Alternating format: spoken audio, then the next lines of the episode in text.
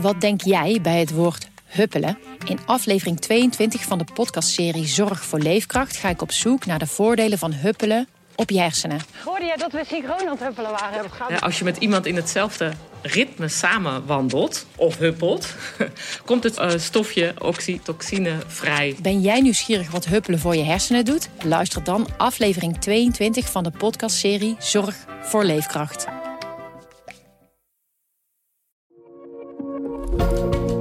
De Volkskrant praat je in 5 minuten bij met het nieuws van dinsdag 24 augustus. De Verenigde Staten gaan de deadline voor evacuaties uit Afghanistan niet verlengen voorbij 31 augustus. De Amerikanen denken dat de evacuatie op tijd voltooid kan worden. Andere landen dringen er bij president Joe Biden op aan om zijn troepen langer in Afghanistan te houden. Zonder de aanwezigheid van de 5800 overgebleven Amerikaanse troepen is het onmogelijk het vliegveld van Kabul open te houden voor de evacuaties die westerse landen nog willen uitvoeren. In en rondom het vliegveld wachten nog altijd duizenden mensen die met westerse organisaties hebben samengewerkt op een evacuatie. Zij vrezen represailles van de Taliban. Bij de Verenigde Naties zijn inmiddels meldingen over executies binnengekomen. Van de Taliban mogen inmiddels alleen buitenlanders nog naar het vliegveld. Afghanen wordt opgeroepen naar huis te gaan. De Onderzoeksraad voor Veiligheid gaat onderzoek doen naar de moord op Peter R. de Vries. Het onderzoek wordt bovendien op verzoek van de familie van de Vries verbreed. Naast de beveiliging van de misdaadjournalist wordt nu onderzocht of het Openbaar Ministerie fouten heeft gemaakt bij de beveiliging van Dirk Wiersum en Redouan B., de voormalige advocaat en de broer van de kroongetuige in het Marengo-proces. Algemeen wordt aangenomen dat zij alle drie zijn vermoord om hun relatie met kroongetuige Nabil B. Volgens de familie voldoet het kroongetuigensysteem niet en brengt het mensen in gevaar.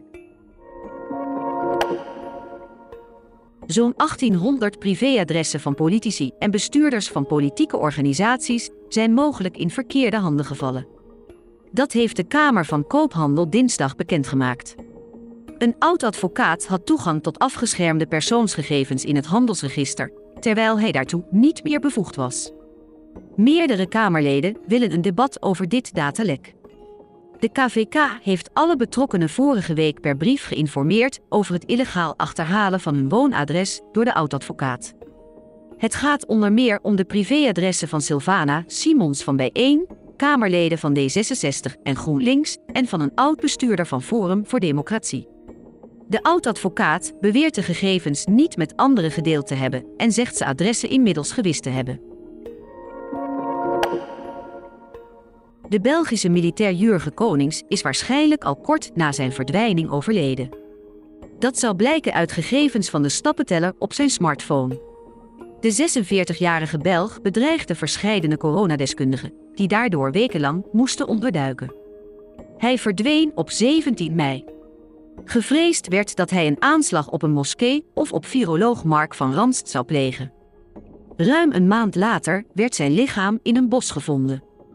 De Belgische justitie gaat ervan uit dat Konings zichzelf van het leven heeft beroofd. West-Europa gaat vaker te maken krijgen met de extreme regenval die deze zomer tot ernstige overstromingen leidde. Tussen 12 en 15 juli viel in Nederland, Duitsland, België en Luxemburg extreem veel regen. In het hele gebied leidde de regenval tot overstromingen en ernstige schade. In Limburg moesten mensen hals over kop vluchten voor het water en in Duitsland en België kwamen ruim 200 mensen om.